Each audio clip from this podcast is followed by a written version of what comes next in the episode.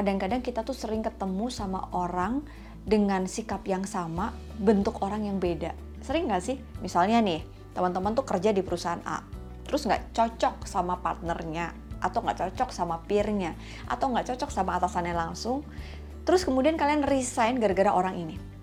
Pada saat resign, kok ketemu orang yang serupa ya? Bentuknya aja yang beda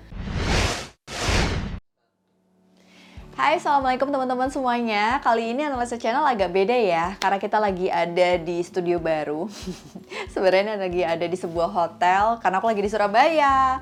Nah, ngomongin soal uh, perjalanan aku di sini, aku lagi kasih sebuah pelatihan nih untuk salah satu perusahaan di Indonesia.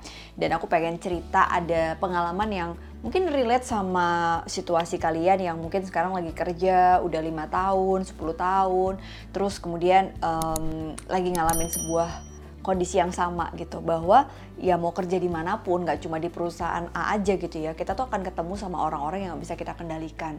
Dari mulai cara ngomongnya dari mulai cara um, berkoordinasinya mulai dari sikap-sikap yang bahkan siapa pun bisa kita temui nih baik di kantor maupun stakeholder. Nah kebetulan materi yang aku sampaikan ini tuh berkaitan dengan uh, leadership gitu ya, berkaitan dengan bagaimana kita menjadi pemimpin yang dimulai dari diri sendiri. Secara psikologis kadang-kadang kita tuh suka banget berekspektasi dengan sikap atasan kita gitu kan. Padahal sebenarnya bisa jadi atasan kita adalah uh, bawaan untuk atasannya lagi. Itu yang sering aku bahas di kelas. Nah kalau kita sebagai bawahan kita tuh kayak suka ngasih ekspektasi yang terlalu tinggi sama atasan. Pada saat kita jadi seorang atasan kita juga suka banget ngasih ekspektasi yang tinggi terhadap bawahan kita gitu. Dan permasalahan yang sering terjadi adalah kurangnya interaksi komunikasi. Jadi sering banget miskom yang bikin patah hati atau sakit hati. Nah ngomongin sakit hati di tempat kerja aku tuh kayak melihat polanya tuh selalu sama gitu. Stimulus itu sangat netral. Buat satu orang itu atasan ini tuh melukai hati dia wah bisa baper tuh, bisa bakalan kepikiran pengen resign gara-gara mungkin ada sikap atau kata-kata yang melukai mereka. Tapi buat satu orang ini tuh biasa aja. Yang penting value uh, gue kerja ya udah gitu terserah atasan saya mau bagaimanapun ya ya inilah saya. Kenapa ya?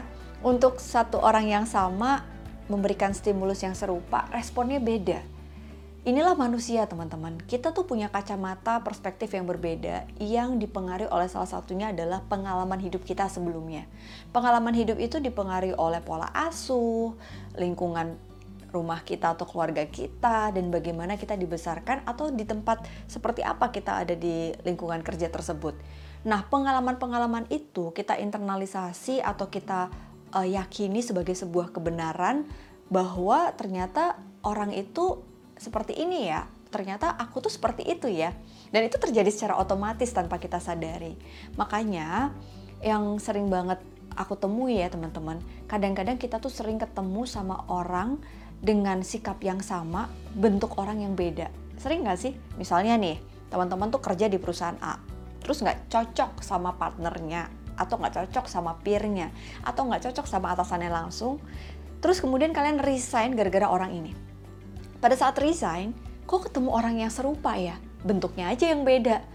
Nah, itulah kenapa kita tuh sering kali berulang dengan kejadian yang sama dalam hidup dan pengalaman atau mungkin sosok yang beda. Karena sebenarnya kita nggak di, diminta untuk uh, melewati orang ini, kita diminta melewati permasalahan itu gitu. Makanya butuhlah yang namanya secara psikologis kita diminta untuk menyadari, menerima, dan memaafkannya. Memaafkan ini bukan hanya untuk orang tersebut, tapi untuk diri kita sendiri. Karena pada saat kita tuh nggak nyaman, pada saat kita marah, pada saat kita tuh kesel sama orang itu, yang muncul apa teman-teman? Yang muncul adalah penolakan terhadap orang yang serupa. Yang muncul adalah kekecewaan terhadap diri sendiri. Yang muncul adalah penilaian negatif tentang diri kita. Yang akhirnya mempengaruhi performance kita dalam bekerja. Nah, aku cerita pengalaman ini tuh kayak jadi sebuah gambaran gitu ya bahwa itu nggak cuma terjadi dalam setting pekerjaan. Dalam kehidupan kita juga sering terjadi. Contoh percintaan. Sering nggak teman-teman putus sama pacar kalian gitu ya gara-gara sikap A? Ternyata waktu punya pacar baru kok sikap A itu tuh muncul di pacar baru? Dan tanpa disadari kita mencintai orang yang sama gitu. Nah, ini kalau di psikologi itu ada istilah yang mungkin uh, teman-teman tuh sering lihat gitu ya bahwa uh, kita itu masing-masing punya pengalaman yang traumatik yang mungkin membentuk uh, di mindset kita bahwa oh ini ya yang membuat aku kecewa, oh ini ya yang membuat aku terluka.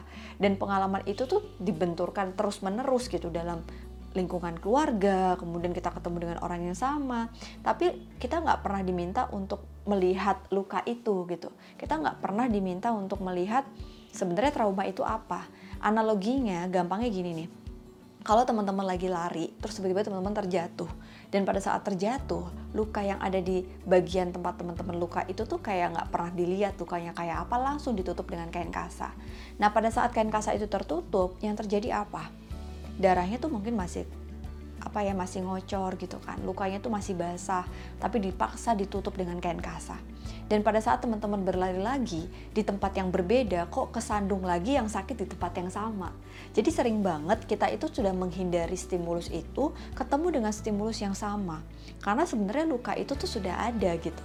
Dan aku merasa bahwa kadang ini mempengaruhi interaksi kita sama orang-orang di sekitar baik tadi dalam pekerjaan maupun percintaan. Makanya kalau kita habis putus nih ya coba deh dimaafin dulu dengan cara apa? Kita lihat kita tuh marahnya nih sama siapa sih? Sama orang ini atau sama diri kita? Karena sebenarnya kebutuhan untuk bisa mendapatkan sesuatu itu adalah kebutuhan kita bukan kebutuhan dia. Jadi contoh kalau teman-teman misalnya pacaran gitu ya, terus kalian nggak suka sama kebiasaan uh, pasangan kalian gitu, kebiasaan yang negatif yang mungkin bisa dikatakan nih orang tuh kalau ngomong nyolot banget ya. Padahal kita sayang nih sama dia, dia sayang sama kita gitu kan. Nah pada saat dia nyolot, terus kemudian kita lihat pola dia ngomong nyolot ini tuh sama kita doang atau sama semua orang oh ternyata sama semua orang. Artinya bisa jadi yang memiliki kebutuhan untuk nggak dinyolotin itu tuh kita gitu. Dan bisa nggak kita menerima itu? Bisa nggak kita dealing dengan itu? Nah, somehow negosiasi dengan diri dan orang-orang yang kita temui itu adalah relasi yang akan terus terjadi dalam setiap interaksi kita, baik dalam pekerjaan maupun lingkungan kita atau kehidupan kita sehari-hari. Nah, kesimpulan atau inti dari obrolan ini tuh apa sih teman-teman? Yang pertama, ternyata manusia itu dibentuk dengan pengalaman-pengalaman yang ada dalam hidupnya. Yang membedakan adalah bagaimana cara manusia memaknainya. Memaknai pengalaman hidup ini adalah proses dari bagian sebuah pendewasaan kita sebagai manusia. Karena kalau misalnya kita masih anak-anak nih ya, pada saat mendapatkan pengalaman yang gak enak, biasanya anak kecil itu kalau gak enak dia akan berekspresi seperti apa yang dia rasakan. Tapi pada saat kita bertumbuh menjadi orang dewasa, pengalaman yang gak enak itu kita terima sebagai bagian yang mendewasakan kita. Akhirnya apa yang muncul? Yang kedua, setelah kita menyadari, kita menerima. Ya udahlah, nggak apa-apa. Mungkin bisa jadi aku ditemukan sama orang sulit ini adalah untuk membuatku menjadi kuat, untuk membuatku menjadi lebih hebat, untuk membuatku jadi lebih baik lagi ke depannya. Dan yang terakhir, kadang-kadang kita tuh sering banget menjahit gitu ya, melihat kejadian-kejadian itu tuh membuat kita menjadi pribadi yang sekarang loh. Akhirnya kita menarik sebuah insight yang bisa kita reframe gitu, yang bisa kita bentuk ulang bahwa pengalaman-pengalaman negatif itu adalah guru yang paling baik untuk membuat kita menjadi pribadi yang lebih baik. Nah, ngomong-ngomong soal pekerjaan nih teman-teman, kalau kalian sekarang lagi dalam kondisi down, coba deh amati perhatikan emosi dan perilaku kalian tuh berbeda. Emosi itu bagian yang otomatis jadi kalau lagi kerja ada emosi negatif yang muncul, amati perilakunya masih negatif atau sudah positif. Nah, sikap kerja yang ditunjukkan oleh seorang pegawai yang positif, yang sehat di dalam lingkungan kerja yang sehat adalah perilakunya itu tetap positif meskipun emosinya negatif. Nah, membentuk perilaku positif ini tuh butuh upaya, yaitu dengan cara apa teman-teman? Dengan cara ya latihan. Jadi kalau kita nggak pernah dikasih tantangan, ya kita nggak pernah tahu kapasitas kita untuk menghadapi tantangan itu. Jadi kalau kita melihat sebuah tantangan ini adalah bagian dari hal yang tidak menekan kita tapi menantang kita, kita akan terchallenge untuk bisa maju ke depan dan menghadapinya dengan bijak. Jadi semangat buat kalian yang sekarang lagi down, lagi kehilangan motivasi, yang lagi bingung arah, yang mungkin lagi ada luka-luka di masa lalu yang muncul di tempat kerja, please keep fight. Karena di mana pun itu akan selalu ada. Kesuksesan kita di tempat kerja tidak tergantung dari sikap orang lain. Bahagianya kita di tempat kerja itu kita ciptakan tersendiri. bukan karena sikap orang lain.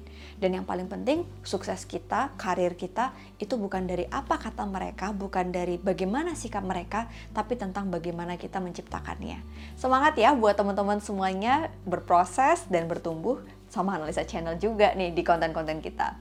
Semoga konten ini bermanfaat buat kamu yang ngerasa ini relate sama kamu di tempat kerja atau mungkin habis patah hati, uh, putus sama si A, putus sama si B dan belum dapat dapat lagi gara-gara kok aku ketemu orang yang sama terus sih. Coba dipelajari. Jangan-jangan ada pola yang belum kita temukan dalam diri kita sehingga kita ketemu sama orang yang sama, ketemu masalah yang sama. Makasih ya, kasih komen dan cerita dong di sini. Nanti aku akan pilih uh, komen yang kira-kira bakalan aku pin ya sama tim gitu kan. Siapa tahu bisa kita bahas di next konten. Assalamualaikum warahmatullahi wabarakatuh. Bye.